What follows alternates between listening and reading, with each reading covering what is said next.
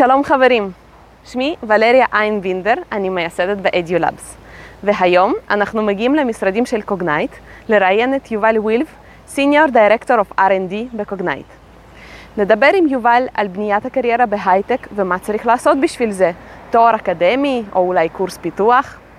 נדבר על טכנולוגיות ושפות תכנות שיש ללמוד על מנת להיות רלוונטיים להייטק של היום. בנוסף, בהיותו מנהל מגייס בקוגנייט ובהיותו מישהו שגייס עשרות עובדים לצוותים שלו, יובל יספר לנו על טיפים לכתיבת קורות חיים, טעויות נפוצות שמרואיינים עושים בראיונות עבודה, על תהליך הגיוס בקוגנייט ועוד הרבה הרבה נושאים נוספים שיעזרו לכם להתקבל לעבודה בהייטק. כולם מנקודת מבט של מנהל מגייס. אז יאללה, בואו נלך.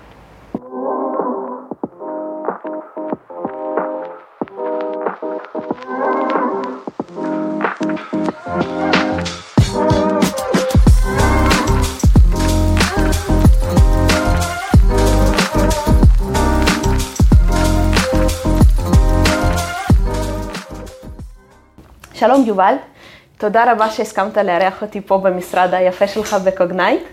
Um, אני בטוחה שהרעיון הזה יעזור מאוד לאנשים שמנסים להיכנס לתחום ההייטק, uh, ויש הרבה אנשים כאלה, um, בין אם הם עושים הסבת מקצוע, או בין אם זה, בין אם הם, um, זה המקצוע הראשון שלהם והם לשמחתם בחרו לעבוד בהייטק. Um, ובואו נתחיל ככה מההתחלה. קודם כל, שאלה ראשונה, בוא קצת נכיר אותך.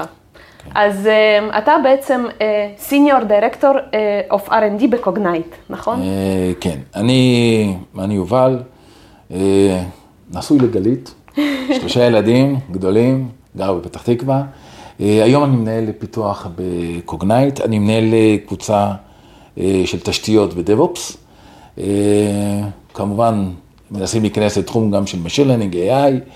Uh, זו קבוצה שנותנת שירותים לגוף פיתוח. של החטיבה הביטחונית בקוגנייט, עוד מעט אני אסביר מה קוגנייט עושים. Mm-hmm. אנחנו נותנים שירותים של תשתיות ב DevOps לסדר גודל של 300 מפתחים.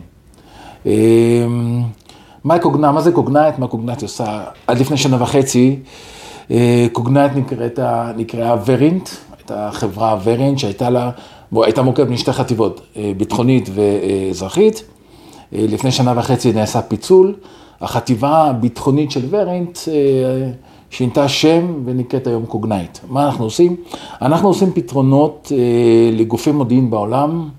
אה, גופי מודיעין זה משטרות, שב"כים, מוסדים mm-hmm. אה, בעולם. אה, ש...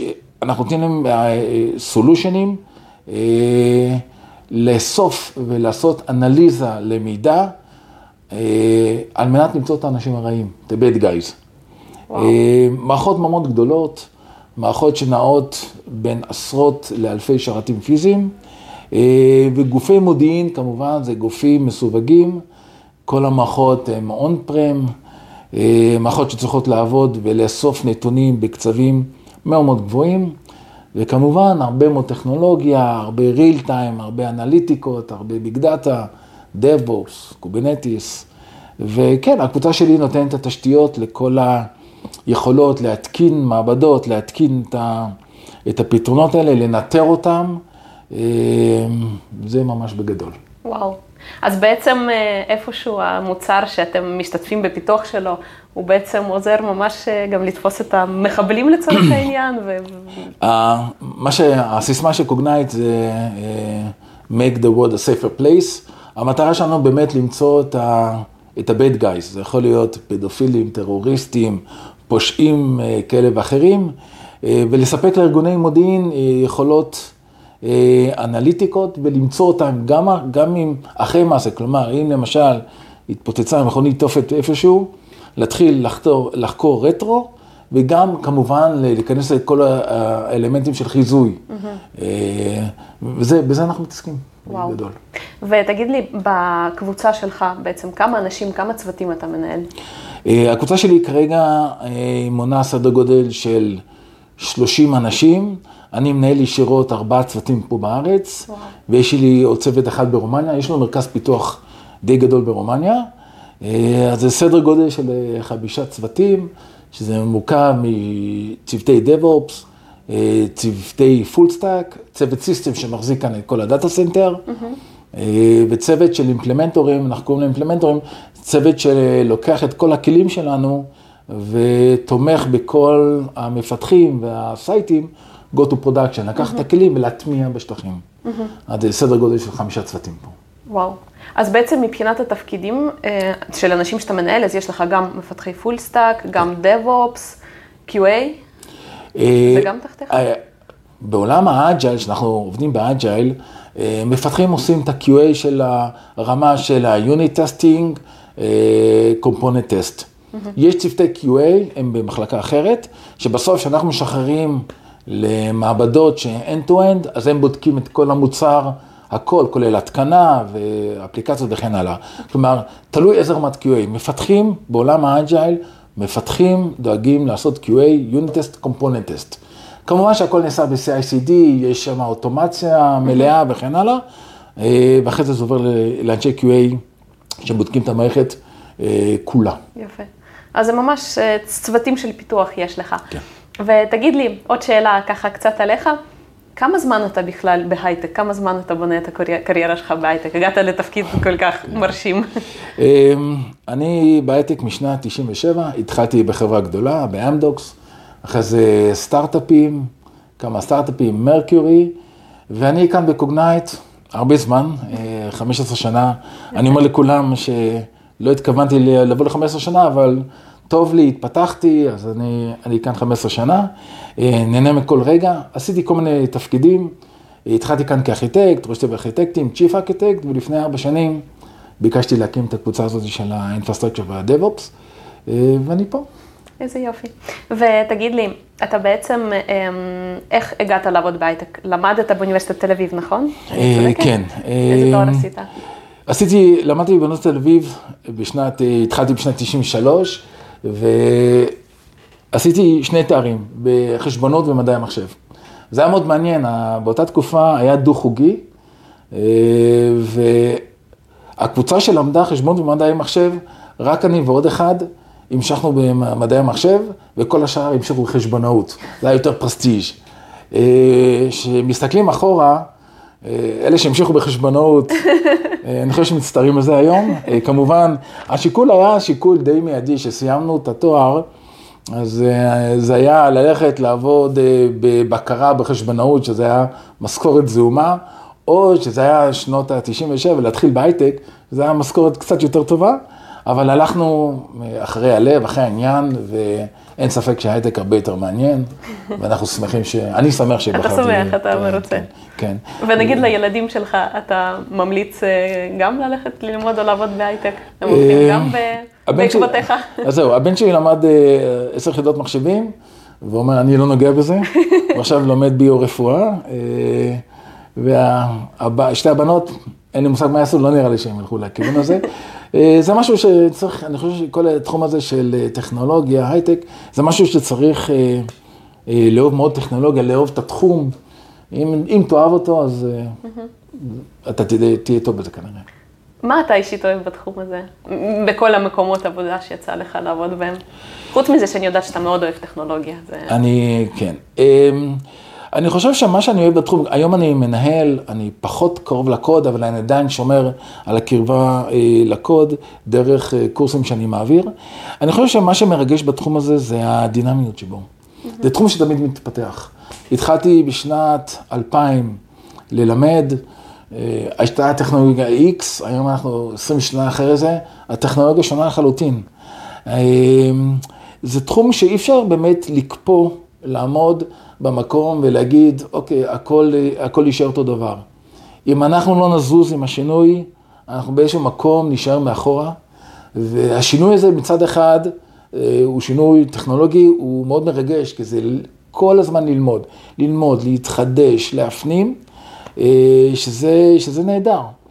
אם אני מגביל את זה לתחומים אחרים בתעשייה, אני לא בא מתחומים אחרים, אבל אני חושב, אוקיי, אני לא יודע, בתחומים אחרים של, אה, אני לא יודע, ראיית חשבון, עריכת דין, כמה זה מתפתח. אני חושב שהקצב שינוי הוא מאוד מאוד גבוה, שזה, אני חושב, נותן, אה, זה די מרגש. זה מרגש ונותן אה, לך כמנהל, כטכנולוג, תמיד צורך ללמוד ולהתחדש. אני חושב שזה דבר שאני מאוד מאוד אוהב באופן אישי.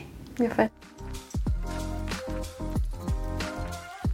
ואתה בעצם ציינת, וגם אני אישית מכירה שאתה באמת גם היית מלמד הרבה במכללות ונותן קורסים גם שקשורים לארכיטקטורה ותכנות וכאלה.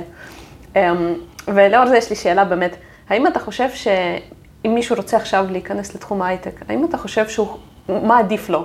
ללכת לעשות נגיד תואר במוסד אקדמי כלשהו, אוניברסיטה, או, או שהוא יכול נגיד להסתדר עם איזשהו קורס אה, מהקורסים שמציעים? תראה, אני חושב שהתשובה היא לא חד משמעית, אבל אה, אני אקח דוגמה מה שקורה פה.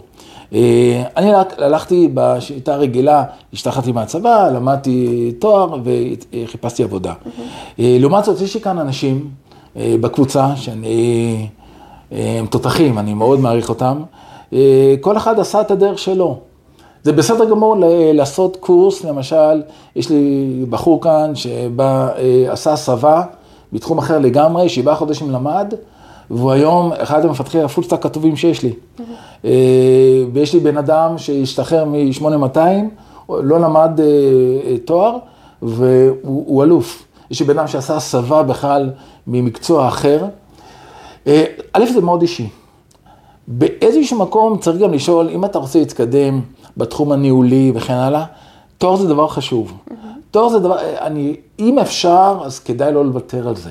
אבל זה תלוי, כלומר, בן אדם שעושה הסבה בגיל 30, בגיל 35, בגיל 40, אז להגיד לו, לך תעשה תואר, ואחרי זה בהייטק, תעבור, ל... תעבור להייטק, נראה לי שזה קצת מיותר. Mm-hmm.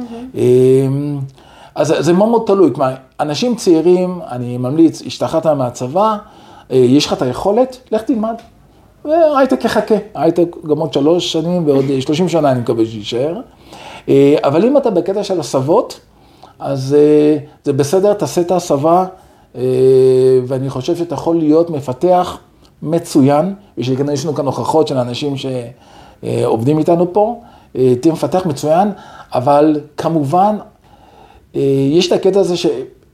מה זה מפתח טוב בעולם ההייטק? זה הכל שאלה של תשוקה, שאלה של כמה אתה רוצה להיות טכנולוג, האם אתה באמת סקרן.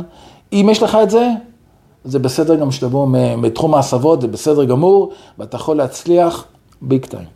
יפה. זה יפה, אני מאוד מסכימה איתך, גם כששואלים אותי, אני עונה בדיוק את התשובה. אם השתחררת עכשיו מהצבא, יש לך ראש לזה, לך תעשה תואר. אה, אני בעצמי גם עשיתי תואר בטכניון, אז אני לא אגיד לאחרים, אל תעשו. אבל כן, אני גם חושבת, אני בכלל חושבת שוואנס עשית איזשהו תואר בחיים שלך, אז זה מלמד אותך משהו, זה אפילו כבר פחות מעניין מה בדיוק למדת, אלא אה, לדעת לעבור את התואר הזה בהצלחה, זה כבר אומר משהו עליך. אבל כן, לגמרי, אמ, אני גם מסכימה שאם יש לך כבר איזשהו ידע, אתה עושה הסבה, כנראה שקורס זה יכול להיות אמ, אמ, פתרון טוב. מעולה. לגבי טכנולוגיות, באמת דיברנו פה קצת על תשוקה לטכנולוגיות וכאלה, השאלה היא כזו, האם מאוד חשוב, או, ו, או מה אתה יכול להמליץ, איזו שפת תכנות ללמוד? נגיד מישהו עכשיו בוחר לעשות קורס בתכנות. האם א', יש לך שפות שאתה ממליץ ללמוד, לדעתך? וב', שאלה שנייה, האם השפה שאתה לומד בקורס מקבעת אותך בעצם לחפש אך ורק משרות באותה שפה שלמדת? אוקיי, okay. איזה משרות אה, ללמוד? קודם כל זה, זה תלוי באיזה תחום אתה רוצה להיכנס. בהייטק יש המון סגמנטים. אה, יש את התחום של הריל טיים. אם אתה רוצה לפתח צ'יפים ו real time, זה משהו אחד. יש כאלה שמאוד אוהבים את זה, אז אה, תלמד שפות שהן קרובות לצ'יפ. C, C plus כזה דבר, ARMים וכן הלאה. אם אתה רוצה להיות מפתח full stack, אז כמובן זה שפות אחרות. תראו, הקטע של השפה, שפה זה סמנטיקה, זה טכניקה. ב Java אה, מפתחים, זה, זה ה syntax של Java, רוצים לעבור ל Python, צריך להכיר את ההבדל, לא כל שפה דומה לשנייה, אבל ברגע שפתרת לולאה ב Java, אתה תעשה הסבה ל Python, זה, זה די אותו דבר. אנחנו רואים את זה גם הרבה מאוד במקומות, אה, שראיונות עבודה, שמישהו בא ואני נותן לו איזשהו אה, אה, אתגר טכנולוגי לפתור, הוא אומר, שמע, אני יודע Java, אני יודע Python, או שאני רוצה Python והוא יודע Java, אני אומר לו, בסדר, תפתור את זה ב-Java, הכל בסדר. אם אתה יודע Java, ויש לך את החשיבה הלוגית, mm-hmm. לעשות את השינוי הסינטקסי לפייתון, אתה תוכל לעשות את זה. אז איזה שפה ללמוד? קודם כל, צריך, צריך לראות באיזה תחום אתה רוצה לעסוק. אם אתה רוצה לעסוק בתחום הווב, אז כמובן תלמד טכנולוגיות רלוונטיות. אז זה יכול להיות היום React ו-Node.js ו-Python ו-Django ויכול להיות שגם Java, אבל Java הוא פחות וובי, הוא בעיקר Backend. Mm-hmm. אבל בסופו של דבר, תחליט לאיזה כיוון אתה רוצה ללכת. אם אתה רוצה להיות איש של DevOps, אז באיש DevOps הייתי, אתה חייב ללמוד Python, Ansible ים, יש טכנולוגיות של DevOps, כמובן Docker ים, Kubernetes ים וכן הלאה. אה, אני חושב שזה מאוד מאוד אה, תלוי לאן אתה רוצה ללכת, גם מאיפה אתה בא. אם אתה איש SI, System Engineering, ואתה רוצה להיות איש DevOps, אז כמובן, תלך לכיוון הזה. אם אתה פיתחת, לא יודע, ב COBOL, או בדברים אה, קצת יותר ישנים, ואתה רוצה לעבור לעולם ה web, אז תתכוונן לשפות הרלוונטיות. תמיד חשוב מאוד להיות רלוונטיים לשפות אה, אה, הרלוונטיות. אם אתה רוצה להיות web, אז תעשה קורס הסבה שמדבר על full stack. Mm-hmm. עוד פעם, היום יש Node.js, יכול להיות שעוד שנה יהיה טכנולוגיה אחרת. נכון. אבל אם באמת אתה מבין את הטכנולוגיה, אתה מבין מה זה HTTP, Request Response, אז ב-React יש את הטאגים האלה, ובג'אנגו יש את הטאגים האלה, ובפלאסק יש את זה. זה פחות משנה. כמה קורסי אונליין וכמה תרגילים ואתה בסדר. אה, אז זה, זה מאוד מאוד תלוי, יפה. אה, בגדול. ותגיד לי, אם כבר דיברנו על זה, באיזה טכנולוגיות אתם עכשיו משתמשים פה ב Cognyte בצוותים שלך? אה, ב Cognyte, מחוץ לקבוצה שלי יש real time ו backend ו Java ו .NET. בקבוצה שלי, אנשי ה tool ים, שזה ה full stack, הם מפתחים ב React, סליחה, ב Angular. אנחנו מנסים לעשות shift אה, ל React, אה, Flask ים, זה ה web ים, .NET, המוצרים יותר legacy. Mm-hmm. בעולם של ה DevOps, Docker ים, Kubernetes ים, Ansible, הרבה מאוד Python, מאוד מאוד חשוב, וכמובן Terraform וכל הטכנולוגיות האלה של הענן. אז בגלל שהקבוצה מפוקסת על עולם תשתיות ו DevOps, זה התחום הזה. כשאנחנו עכשיו אה, מנסים להיכנס לתחום ה machine learning ו-AI, אז כמובן זה Python עם כל החבילות, נמפאי, פנדס וכל הדברים האלה. יפה. ותגיד לי אה, עוד שאלה. אמ, ככה, נגיד כשאתם באמת שוקלים להזמין מישהו לראיון, אמ, ומפרסמים לצורך העניין את המשרה עם הדרישות, אמ, אתם באמת מפרסמים שפות ספציפיות שאתם מחפשים, או ש...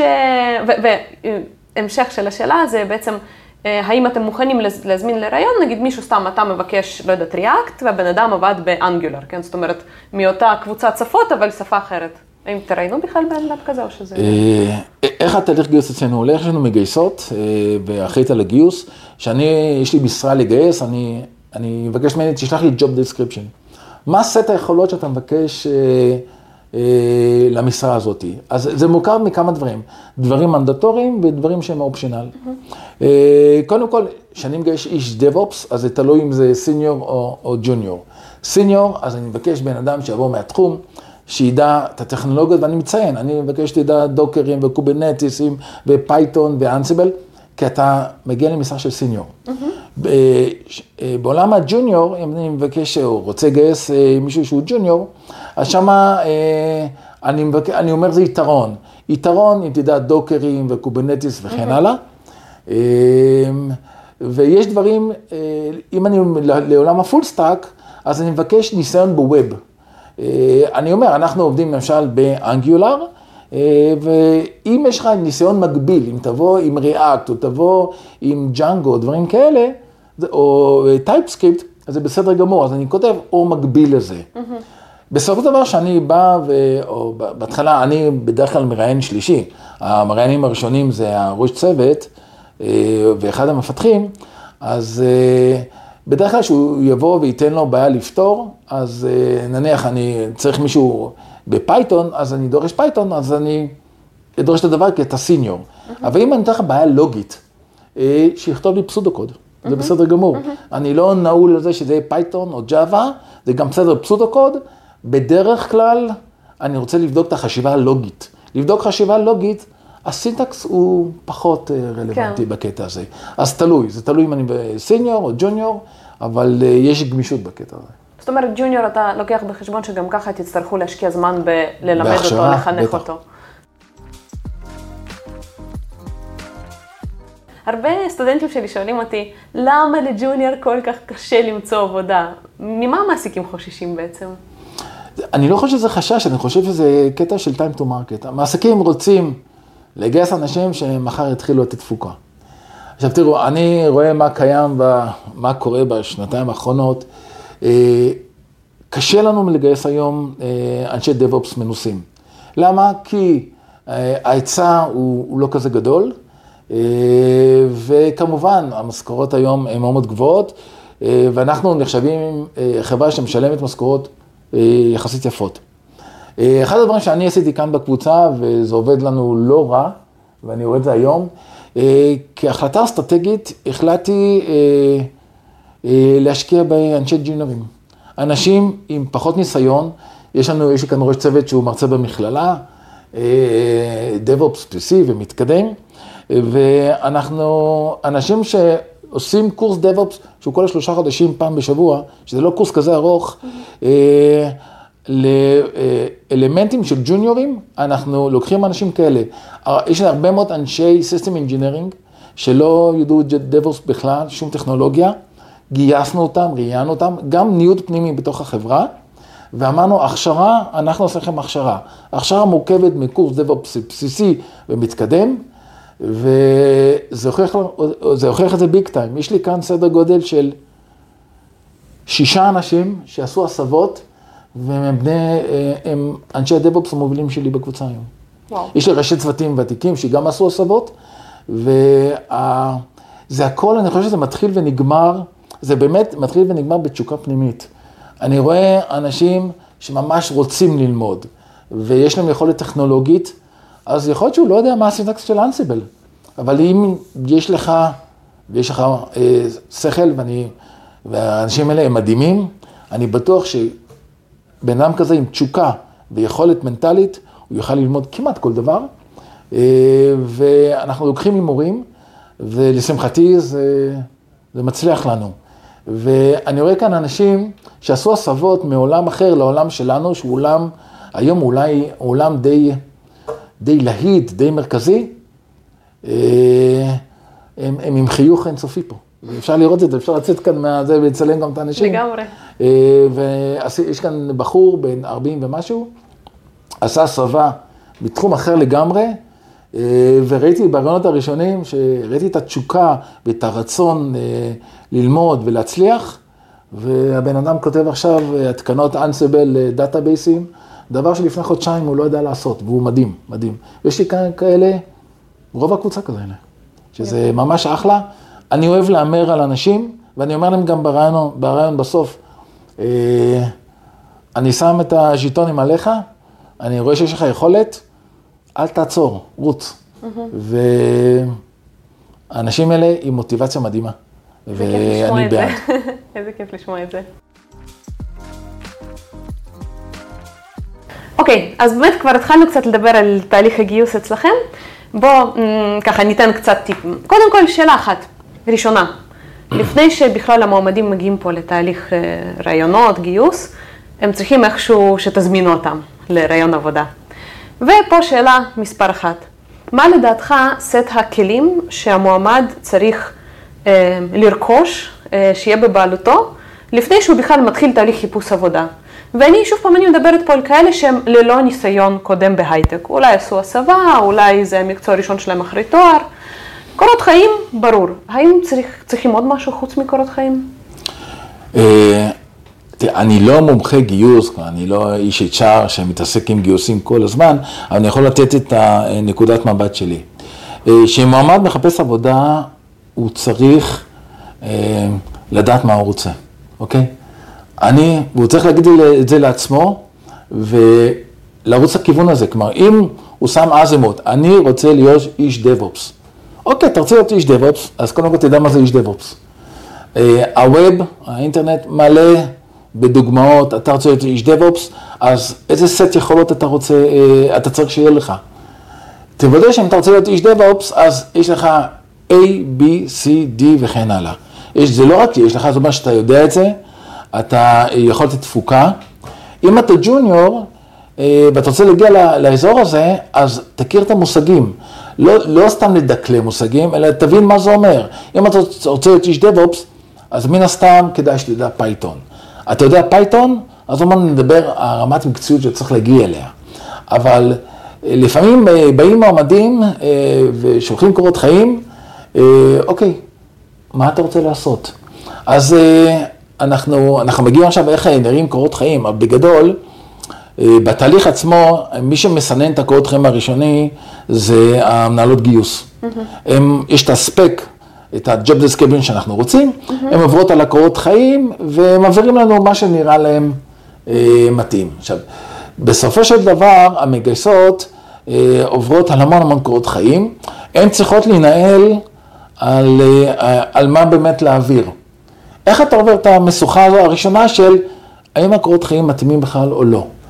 אז uh, בדרך כלל, כשאנחנו נותנים ב job description, שאנחנו אומרים, נגיד איש DevOps או איש full stack, אני רוצה תכנות ב web, HTML ים, CSS ים, TypeScript, דברים כאלה, והם עושים התאמה uh, למה שכתוב בקורות חיים. Mm-hmm. נניח עברנו את שלב המגייסות, אז uh, יש לנו מערכת שלמה של גיוס, mm-hmm. והקורות חיים מגיעים למנהל המגייס, והוא עכשיו עובר על כל הקורות חיים וצריך לראות האם לזמן לרעיון, בדרך כלל הרעיונות הראשונים שלנו הם רעיונות טלפונים או זומים, uh-huh. שאנחנו מדברים עם המעמד לראות בכלל התאמה. האם זה רעיון טכנולוגי?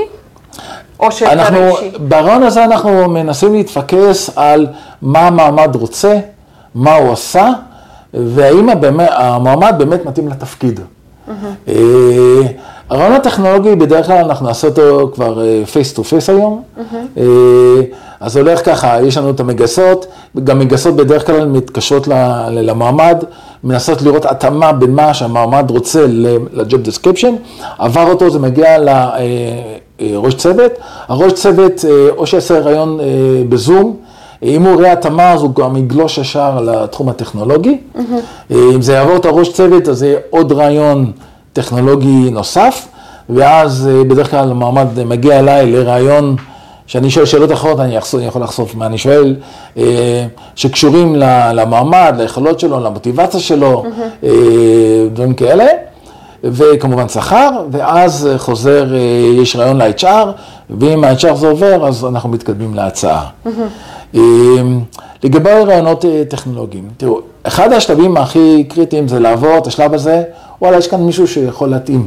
לעבור לשלב של הרעיון של הראש צוות.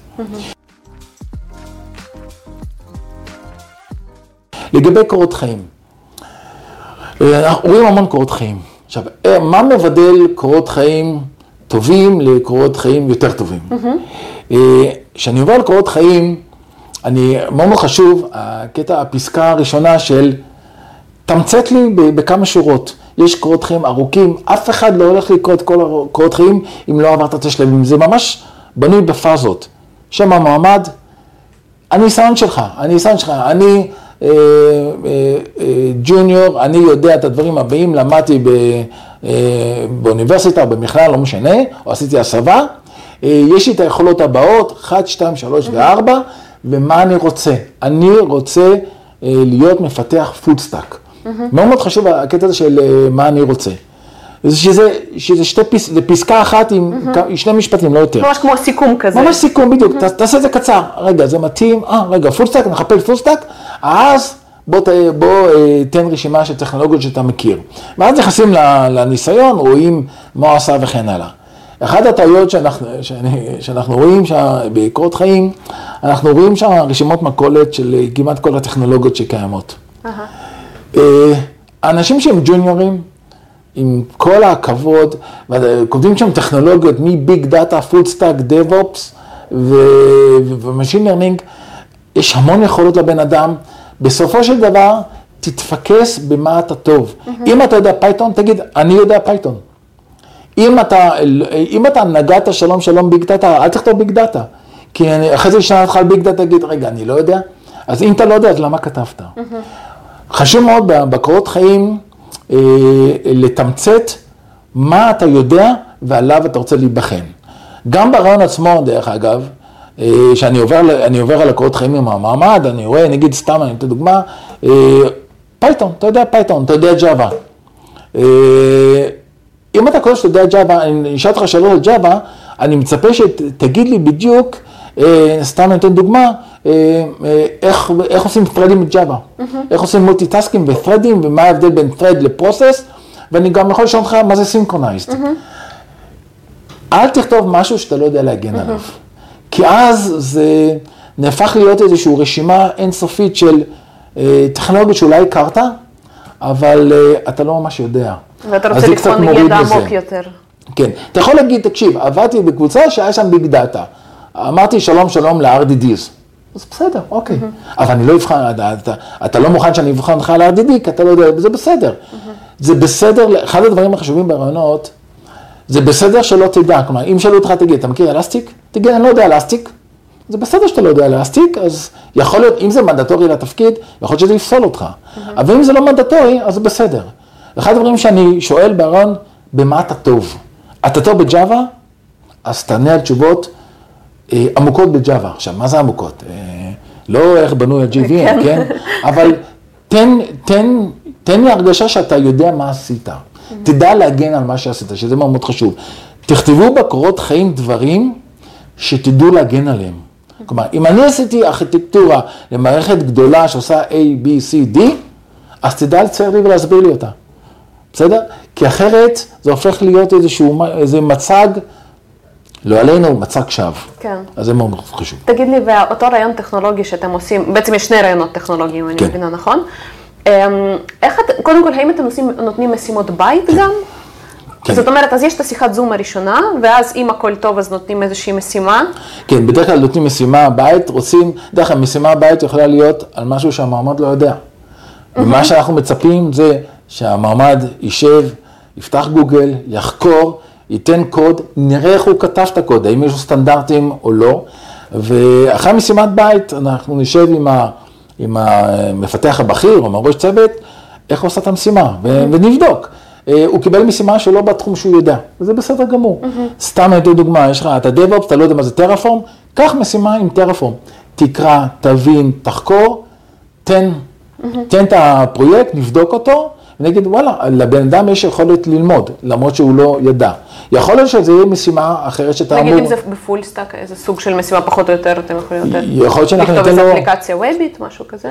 כן, אתה יודע, אפשר לפתוח ולפתוח, נגיד, אם זה ג'אנגו, לא משנה, זה ג'אנגו או כל דבר אחר, אה, זה יכול להיות משימת web, סתם, אה, לנביגציה בין דפים, אה, לקונטנט סטטי ולא קונטנט סטטי, זה יכול להיות כל מיני דברים, מישהו עושה, יש שם מקומות גם שבזמנו שהייתי ראש צוות, אה, בעולם הג'אווה, היה לי מבחן ג'אווה, במבחן אמריקאי, שמי שמפתח ג'אווה טוב, אמור לעבור את המבחן הזה לפחות בציון 80.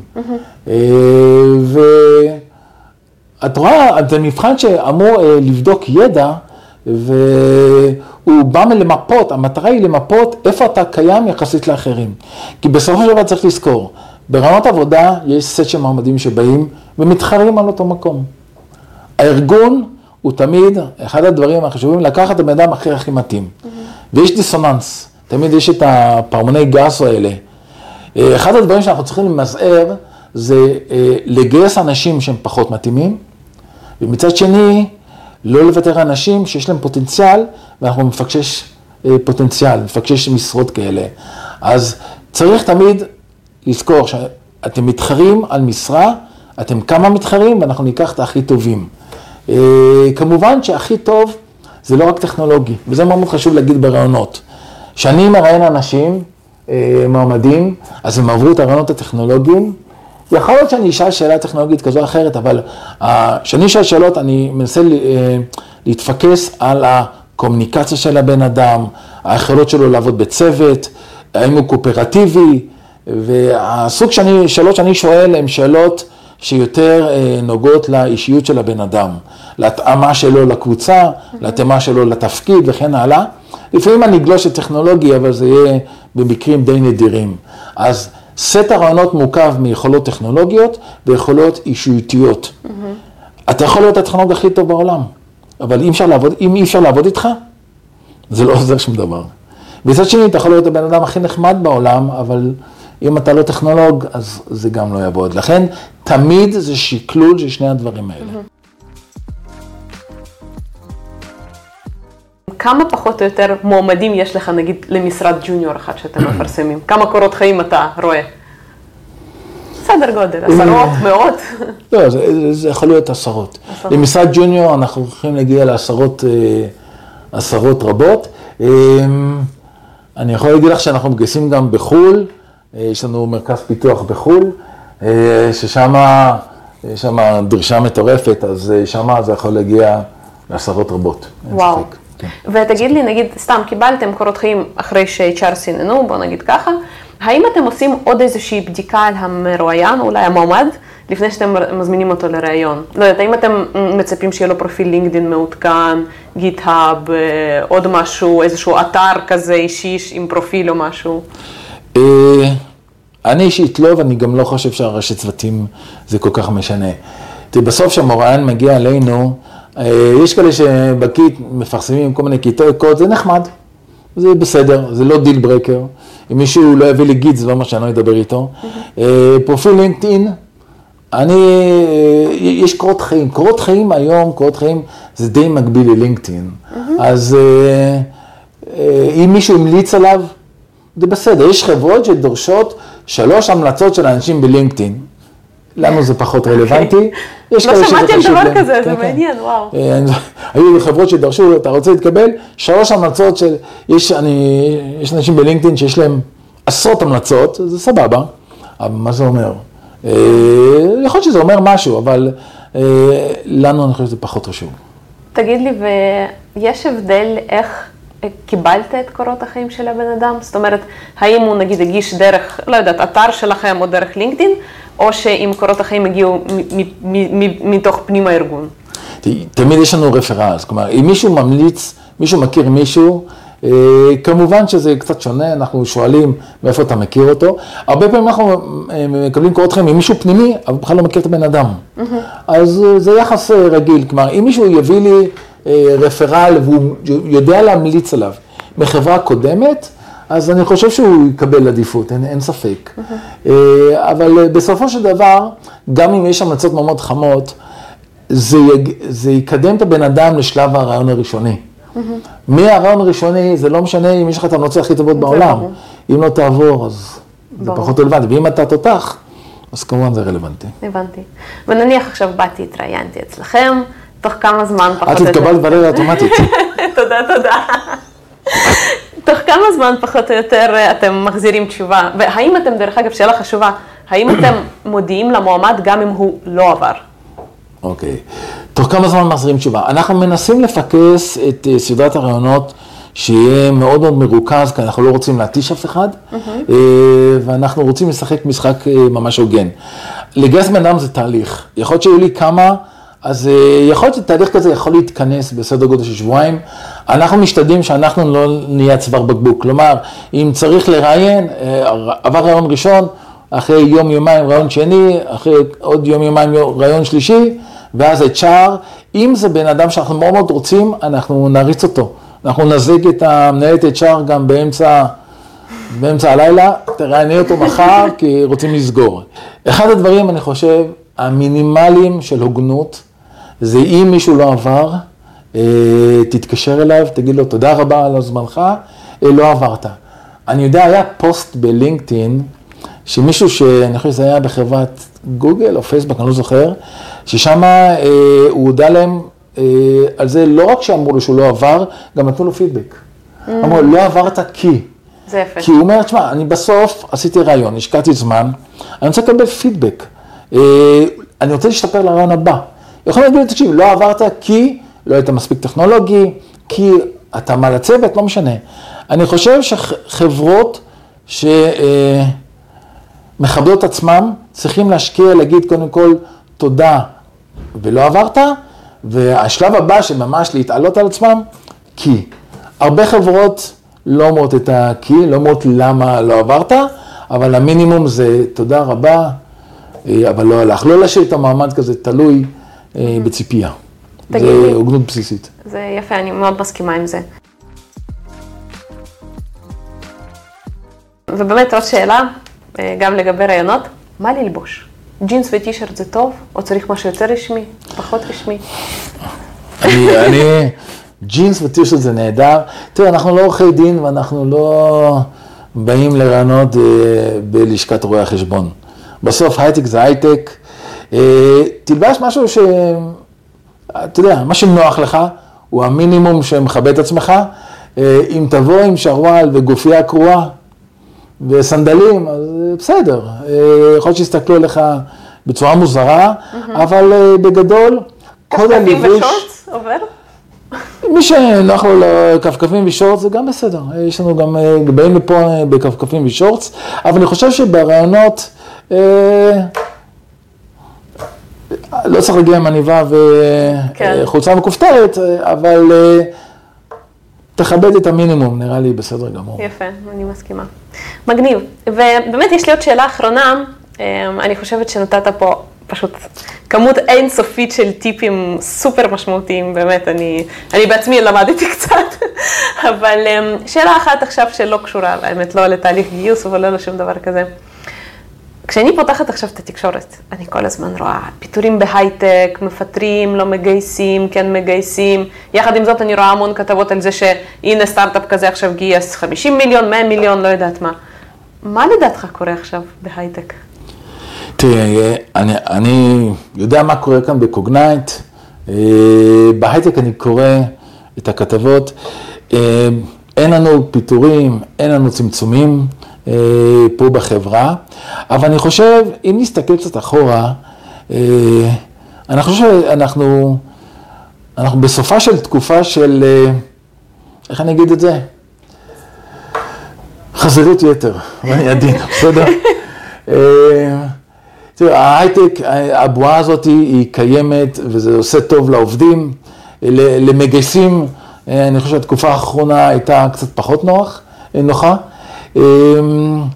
הגענו, ל, אני חושב, לאיזו, לאיזו סיטואציה שאני לא בטוח שהייתה בריאה. אני עוד מימי 2000, בקריסה של 2000, ש, של הדוט קום, ששם גם כן זה התחיל להיות תהליך שאנשים עברו עבודות.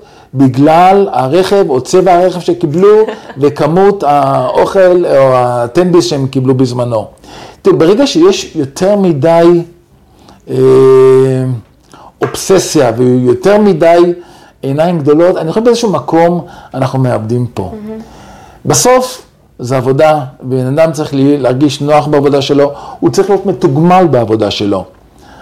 כשאני אומר לאנשים שאני מצפה מהם לבוא לפה עם החיוך הכי גדול, לא רק שהם ייתנו תפוקות כטכנולוגים, אני רוצה שיהיה להם כיף. אם כיף לך בעבודה ואתה, אה, יש לך אה, אה, התפתחות, קריירה, אתה יודע ואתה לומד דברים חדשים, אחלה, תקבל את המשכורת שלך, הכל טוב ויפה. היום, כל הסיפור הזה של הפיטורים, אני לא יודע מה יהיה בעתיד. יכול להיות שאנחנו לפני גל מיתון, אני ממש לא יודע, אבל באיזשהו מקום אני חושב שיש כאן איזשהו איזון חוזר, mm-hmm. כי יותר מדי, אה, יותר מדי, אתה יודע, שמעתי על חברות, עזבי את הכמות כסף שהייתה ואת האירועי חברה המטורפים שעשו פה, כן, כן, כולנו לא, שמענו. לא נזכיר שמות, כן. אבל זה נחמד וזה בסדר. גם קוגנט עשתה אירועי חברה והיה ממש אחלה, אבל אני חושב שיותר מדי בקטע הזה, זה כבר הופך להיות אה, לא טוב. ואנשים מבולבלים, ואני אומר עוד פעם, בן אדם שכיף לך, אתה בא עם חיוך, טוב לך, סבבה, ת, תמצה את הכל. אה, אז אני לא יודע להגיד בדיוק על מיתון, אבל אני כן שם לב שאנשים יותר מחזיקים את הכיסאות עכשיו, וזה בסדר, וזה זמן אה, נהדר לגייס, וזה מצוין, ואני חושב שאין הורדה במשכורות, אין הורדה בתנאים, ואני חושב שהמצב כרגע הוא בסדר, מה יהיה בעתיד? כן. מקווה שיהיה רק יותר טוב. לגמרי. טוב, בנימה אופטימית זו, אני ממש רוצה להודות לך על, אה, על הרעיון הזה.